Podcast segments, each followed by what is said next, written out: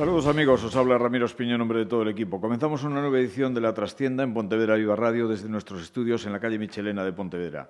Después de sus dos primeras juntas generales de accionistas como presidenta del Pontevedra, Lupe Murillo tuvo en la tercera, celebrada el martes día 17 de enero, una reunión complicada, con polémica aparición de un grupo opositor dispuesto a dar una especie de golpe de Estado, solicitando el cese del Consejo de Administración y su relevo por otro nuevo, en el cual se atendiese a la proporcionalidad actual de la propiedad de acciones que cada uno ostente. Y pese a ello, Lupe Murillo es o sigue siendo todavía presidenta. Muy buenas. Hola Ramiro, buenos días. ¿Ha sido o no un intento de golpe de Estado, si se le puede llamar así?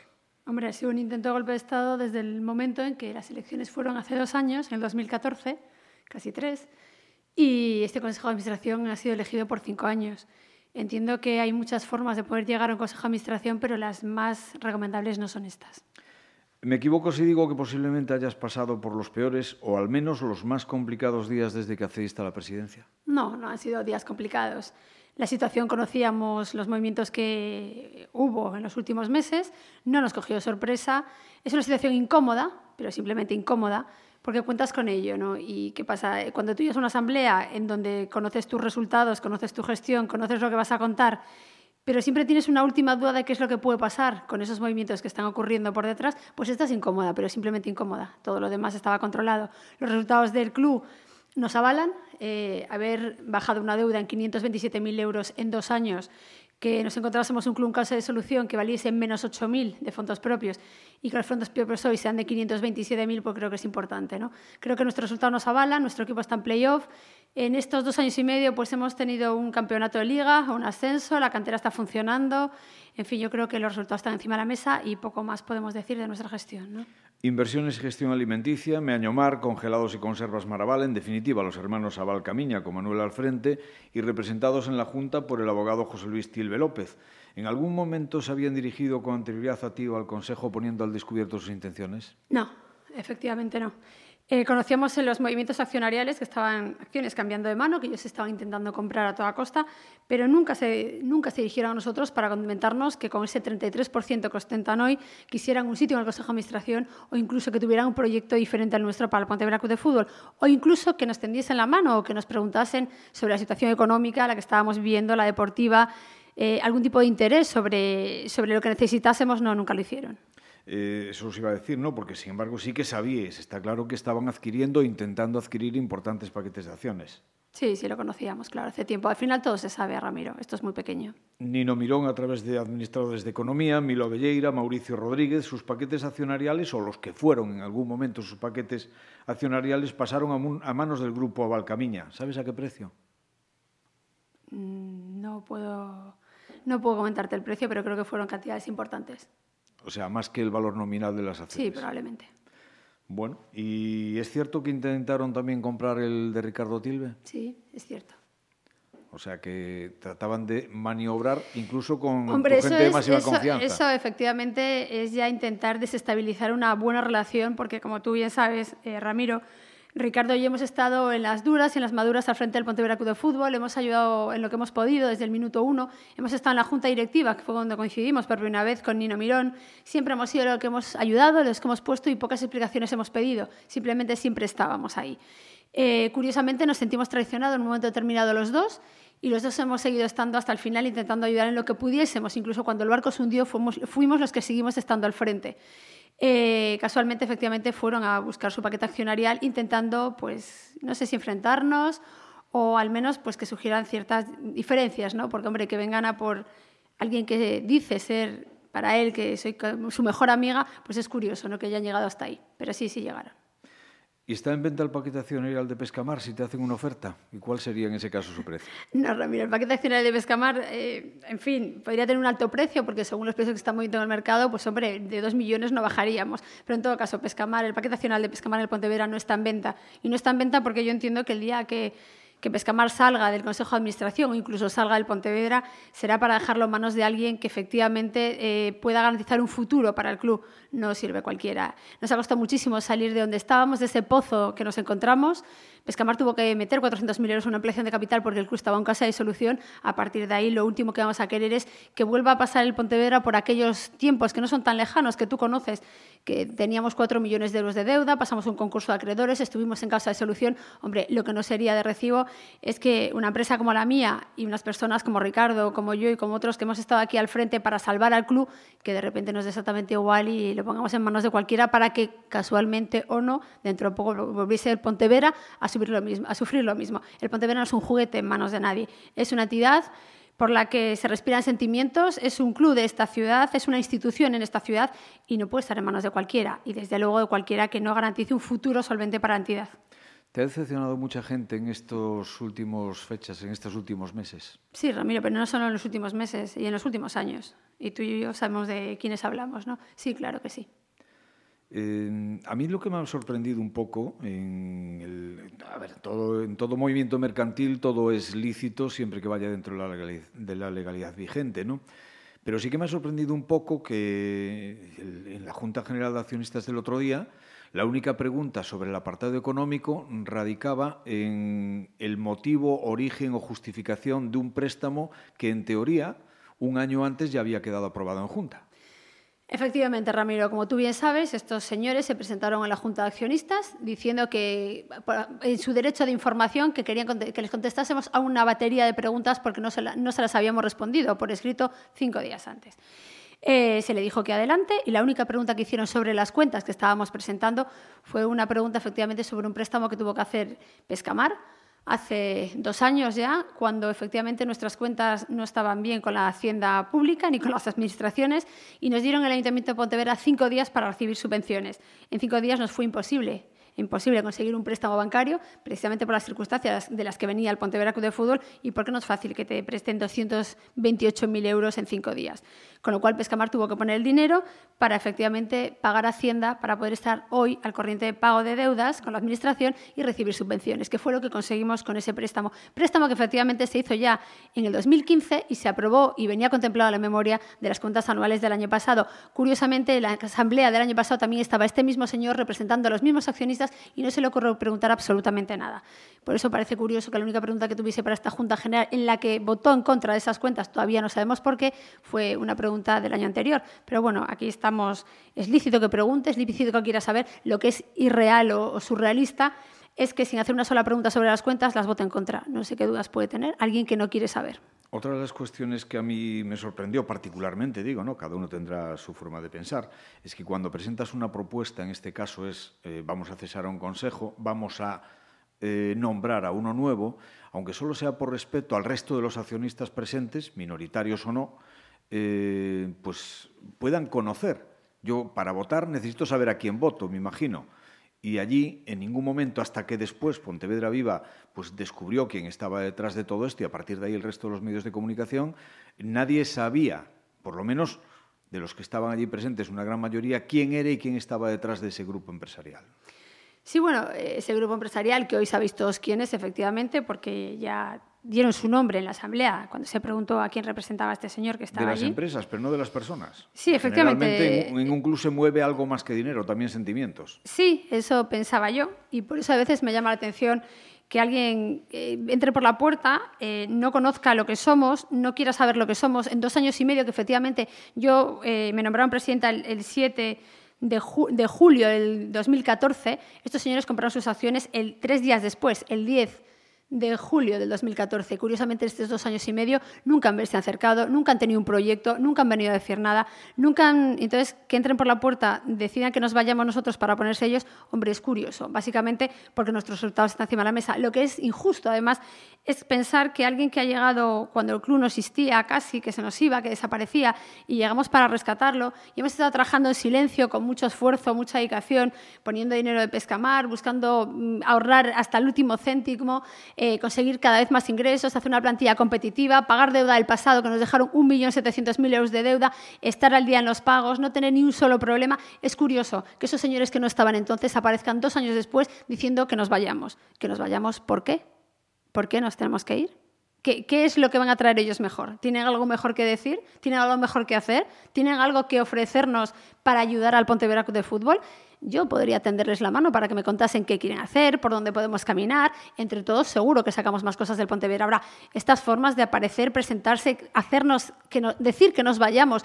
Todavía no sabemos por qué, qué es lo que hemos hecho mal para que nos tengamos que ir y, desde luego, qué van a ustedes a hacer mejor para que nosotros nos tengamos que ir. ¿no? Esas dudas quedan en el ambiente porque ellos efectivamente nunca han dado la cara. ¿Qué mensaje puedes mandar a la masa social, aficionados, e incluso porque no olvidemos que detrás de una sociedad anónima deportiva realmente hay unos aficionados, sean o no accionistas, que son los que mantienen también vivo a, la sociedad, al equipo en definitiva, e incluso a la plantilla de jugadores y cuerpo técnico, cuyo entrenador estaba allí presente y entiendo que en representación también de sus compañeros, el capitán Adrián Gómez? Bueno, pues el mensaje es de tranquilidad. Este Consejo de Administración está elegido hasta el año 2019 en mi caso hasta el 2020, y en tanto en cuanto estos señores no tengan una mayoría accionarial de 51%, este Consejo de Administración se mantendrá hasta entonces. Con lo cual yo entiendo que la tranquilidad es máxima, seguiremos trabajando como lo hemos hecho hasta ahora, con muchísimas ganas, muchísima ilusión. Un, hecho como este no nos desestabiliza, no significa absolutamente nada y quiero dar tranquilidad. Luisito efectivamente estaba presente, eh, cenó con nosotros, estaba alucinado, no se lo podía creer. Eh, tiene claro quiénes somos, dónde estamos y a dónde vamos a llegar todos juntos. Y bueno, seguimos hacia adelante con las mismas ganas, sabiendo quiénes somos y quiénes son ellos. Pues hablemos de lo deportivo entonces, ya para ir terminando. ¿Será este año el siguiente o lo ves complicado que el Pontevedra sea serio candidato al ascenso? Bueno, Ramiro, vamos poco a poco. Esa frase del visito que dices tú, que pasito a pasito. Partido a partido. Partido a partido. Partido a partido. Bueno, vamos poco a poco. A ver, nosotros llegamos y conoces la situación que vivimos. Eh, poco a poco hemos ido compensando lo que hemos tenido que pagar de deuda del pasado, pero todo el mundo dice es que podíamos invertir más. Es que si eh, nosotros cuando llegamos a este club en el 2014 no hubiéramos tenido una situación como la que teníamos, que debíamos 1.700.000 euros, probablemente este, esta rebaja de deuda en dos años y medio, que ha sido de medio millón de euros, podríamos haberlo metido en plantilla, pero nadie debe olvidar que cuando llegamos debíamos esa cantidad de dinero y que la seguimos pagando, además de hacer una plantilla lo más competitiva posible. Ojalá tuviéramos otros presupuestos, ojalá no hubiéramos tenido esa deuda, pero bueno, poco a poco yo creo que este club va a llegar a donde tiene que llegar y a segunda división seguro. No sé si con Lupe Murillo al frente o no, pero dejaremos las bases puestas para que eso ocurra pues, antes que tarde. ¿Y con Luisito en el banquillo o no? Bueno, esta pregunta que la llevas haciendo los últimos días al director deportivo, al mismo. Eh, tú sabes que cuando llegamos, yo siempre digo que Luisito, Roberto Feansi y yo somos un pack peleamos mucho, discutimos mucho, pero discutimos porque queremos lo mejor para el club y lo mejor para el equipo. Y tú sabes que lo mejor para el club no siempre son los intereses de los tres, tiene que estar en común. Yo intento que nos cuesten menos los mejores fichajes, Luisito quiere los mejores fichajes, Roberto está en el medio de los dos. O sea, lo que sí tenéis que tener claro es que los tres velamos por los intereses del Pontevedra. Yo por la parte económica mucho, ellos por la parte deportiva y al, y al final buscamos el punto común y creo que los resultados están encima de la mesa. Mm, Luisito le queremos mucho. A ver, mi obligación es preguntar, Sin duda. Evidentemente, y, a ver si...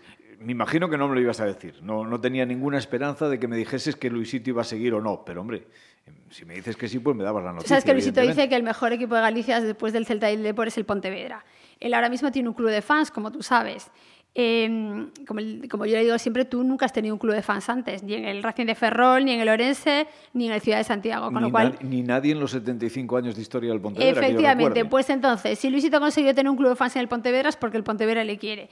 Y si el Pontevedra le quiere y Luisito quiere estar aquí porque forma parte de nuestra esencia, pues el final seguro que será el que todos esperamos. Lupe Murillo también querrá que siga. Pues bueno, yo estoy muy contenta con Luisito. Bueno, pues dos espinitas para terminar. La asistencia a Pasarón, que siendo buena, sobre todo para lo que hay por ahí adelante, ¿no? en esos campos de Dios, pues eh, podría o debería ser mejor a tenor de la mancha del equipo. Sí, a ver, decíais hace unos días en esta tertulia, en esta trastienda, que efectivamente las entradas en segunda B y en tercera división en este país son caras. Bueno, yo creo que todo el fútbol es caro, no es, no es una excepción el Pontevedra. Es, en general el fútbol es realmente si lo comparamos con lo que hay por ahí adelante en Alemania, Inglaterra y demás. Ah, bueno, yo pensé que lo comparabas con, otro tipo de ocio, porque también entonces yo creo que es barato, pero bueno, es que lo que tenemos que hablar es lo que tenemos delante y lo que tenemos delante vale dinero, no es gratis, los jugadores cobran todos los meses. Entonces, lo que está claro es que eh, lo que nos encontramos fue un gran agujero en el Pontevedra. La única forma de mantener un club y tener un equipo competitivo, y lo queremos tener cada vez más arriba, es que efectivamente las entradas tengan un valor. Y además, mira, yo esta, crítica es constante y es habitual. Yo siempre digo que Pontevedra es la ciudad del deporte. Y es una ciudad del deporte porque tenemos de todo, todo tipo de disciplinas deportivas, balonmano, baloncesto, fútbol sala, natación, piragüismo, absolutamente todo. Y equipos muy competitivos y en las más altas categorías del deporte español. Está claro que tenemos al Telcur, al Leis, al Artsil, al Cisne, un montón de equipos que están ahí y que no podemos abarcarlo todo. Pontevedra respira deporte los fines de semana. Hay mucha gente practicando deporte y viendo deporte. No podemos abarcarlo todo nosotros, los del Pontevedra Club de Fútbol. Pero sin embargo, sí debo felicitar a toda la ciudad de Pontevedra y estoy súper agradecida porque cuando a la ciudad se le llama, la ciudad responde. El Pontevedra tuvo el apoyo y el respaldo de toda la ciudad de Pontevedra para llenar tres veces Pasarón cuando intentamos ascender y lo conseguimos. Se lo demos a ellos también. Ese apoyo lo tuvimos, con lo cual yo me quedo muy contenta de la afluencia que tenemos cuando el club llama para que nos apoyen. El resto, pues efectivamente, pero si hay alguien que me diga cómo se puede llenar Pasarón sin regalar entradas, que es algo que la gente pretende y yo no estoy de acuerdo, por no si yo regalo entradas estoy penalizando al socio que desde el minuto uno saca su abono a principio de temporada, con lo cual me estaría riendo él, porque después regalo entradas, lo que le he cobrado a él se lo tendría que devolver. Eso por un lado. Y, por otro lado, bajar el precio. Siempre, si queremos tener un equipo competitivo que cuanto antes llegue a segunda división y que pueda pagar la deuda que nos encontramos hace dos años y poder pagar a los jugadores cada día, hombre, es complicado. Yo los milagros existen, pero de momento me cuesta mucho llegar yo a, esa posición. Si alguien de verdad tiene alguna idea con la que podamos llenar Pasarón, que no sea ni bajar el precio de las entradas, ni regalarlas, yo estoy encantada de escucharlas. De todas formas, eh, para evitar esto, y como las críticas son constantes y nosotros queremos hacerlo cada vez lo mejor posible, desde hace una semana en el club hay dos becarias de marketing de la Facultad de Pontevedra eh, que están para efectivamente, si consiguen hacer algo que nos pueda llevar a traer más gente a Pasarón. Las ocurrencias ahora mismo van a ser de ellas y ojalá tengan grandes ideas para que podamos seguir creciendo. Me vas a permitir un pequeño matiz. Eh, la ciudad de Pontevedra respondió apoyando al Pontevedra en el playoff y la lo que va más allá de la ciudad de Pontevedra también, porque no olvidemos que el Pontevedra tiene muchísimos aficionados en la periferia, ¿no? Tienes toda la razón, tú eres de Cunti, tú eres de Cunti Ramiro y me lo recuerdas todos los días y eres un forofo del Pontevedra. Por eso te lo digo, sí es cierto, tenemos un montón de gente que vino en esos playoffs, pues yo me consta de Pollo, de Marín, de Cerdedo, de Campo Lameiro, eh, de muchos sitios porque hay mucho aficionado al Ponte. Yo conozco algunos de la línea y Silleda que vienen todos los domingos me consta, Me consta, y de la Estrada. Estuve con ellos hace poco en la Estrada y me decían que venían todos los domingos a Pasaron. Me encanta que eso exista en la provincia de Pontevedra y hay que estarles agradecidos. Probablemente haya que hacer una, una fase de captación en la comarca y en el entorno para efectivamente captar esa gente que todavía quiere al Pontevedra y que podamos acercarles. Y la segunda ya y última para finalizar con, esta trastienda. Los equipos de la base, especialmente el filial, juvenil de Liga Nacional, cadete División de Honor. ¿Hay que potenciarlos? Te he comentado muchas veces que eso, lo de la cantera da sus frutos a largo plazo. La cantera no es de hoy para mañana, no puedo encontrar a un chico y que esté ya jugando en el primer equipo. Las canteras requieren paciencia. Está claro que llevamos dos años y medio en el club. El primero lo pusimos en manos de Mila Villeira. Efectivamente, Mila Villeira cesó los resultados están encima de la mesa, descendieron cinco equipos de la base. Necesitamos volver a creer, pero si tú me preguntas por el filial en este momento y el juvenila, que son los dos equipos de más arriba que tenemos en la cantera, te contesto que no queremos un filial, o al menos esta presidenta de esta administración en tercera división. Es inviable. Si te das cuenta, equipos de primera como Atlético Madrid o Deportivo La Coruña tienen sus filiales en tercera división. Y hay gran diferencia y no pasa nada. Con lo cual, si el Pontevedra está en segunda B, que tenga un filial en preferente o en regional, no creo que sea una cosa tremenda, básicamente porque en tercera división no podríamos mantenerlo. Quiero decir, en tercera división hoy en día se pagan cantidades importantes, nosotros lo hemos vivido, no hace muy poco, hace dos años estábamos en tercera, y esas cantidades importantes ahora mismo se invierten en la primera plantilla, no podríamos pagarlo. Frente a esto, si es cierto que te digo, son equipos que tienen un sentido, los filiales, no que es tener chavales sub-23 para un momento servir de refresco o de inicio para poder llegar al primer equipo. Es la función que tiene, no es realmente estar lo más arriba posible, sino nutrir de jugadores a la primera plantilla. Es el futuro y es para lo que está ese equipo. En relación al juvenil sí lo queremos tener en misión de honor. Necesitamos ascenderlo, llevamos dos años intentándolo y bueno, intentamos hacer cambios y mejorar. Sí es cierto que lo queremos más arriba, porque hoy en día un chaval de 17, 18 años que tenga condiciones podría estar debutando en breve en el primer equipo. Un caso como el de Loureiro, que entró en el juvenil, pasó por el filial y está ya en segunda división B con 19 años, con lo cual, bueno, pues ojalá nos salgan grandes perlas de la cantera. Intentamos potenciarlo, pero sí quiero contar algo que nunca se cuenta, ¿no? Que parece que la cantera son los dos solo son los equipos de arriba y ya te comento que el primero no queremos que esté en tercera división porque no podríamos mantenerlo y el juvenil sí. Con relación a los demás hemos hecho una escuela de tecnificación que no existe en los demás clubes de esta ciudad, que es que además de, entrenar con sus equipos todos los niños para preparar los partidos del fin de semana, estamos llevando a todos los niños a que mejoren sus cualidades particulares como jugadores para poder hacerlos más grandes como jugadores. Es decir, si tenemos un zurdo que no juega con la derecha, que practique con esa pierna derecha durante días con los técnicos para que mejore sus cualidades personales y particulares, no las del equipo en general. Eso ya lo estamos haciendo, empezó a funcionar esta temporada, esperamos que con estas medidas mejoren nuestros jugadores para que lleguen mejor preparados arriba cuanto antes. Además, eh, nos preocupamos mucho de los padres, de los niños, cuando hay problemas estamos encima. Yo soy la presidenta, según me comentan, porque eso tampoco lo puedo decir yo de mí, que soy la que más va por la junquera y más partidos de la base va a ver. Sí es cierto que soy madre de dos jugadores de la cantera, pero me gusta el fútbol base, me preocupa el fútbol base y paso muchas tardes en la junquera, es cierto, de muchos fines de semana viendo a nuestros jugadores y bueno, les hemos premiado con algún viaje a Portugal, incluso donde la presidenta ha viajado con ellos a jugar contra el Sporting de Braga. Quiero decir, estamos haciendo cosas grandes para que los chavales de la cantera se sientan orgullosos de pertenecer al Pontevedra Club de Fútbol. Lupe Murillo, que Dios te conserve esa energía. Muchas gracias, Ramiro.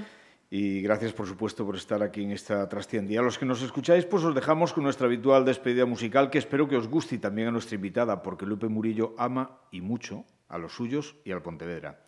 Se trata de una canción original de Calvin Lewis y Andrew Wright, grabada originalmente por Percy Sledge en 1966, que aquí os traemos en una magnífica versión interpretada por Michael Bolton. Su título es When a Man Loves a Woman, cuando un hombre ama a una mujer.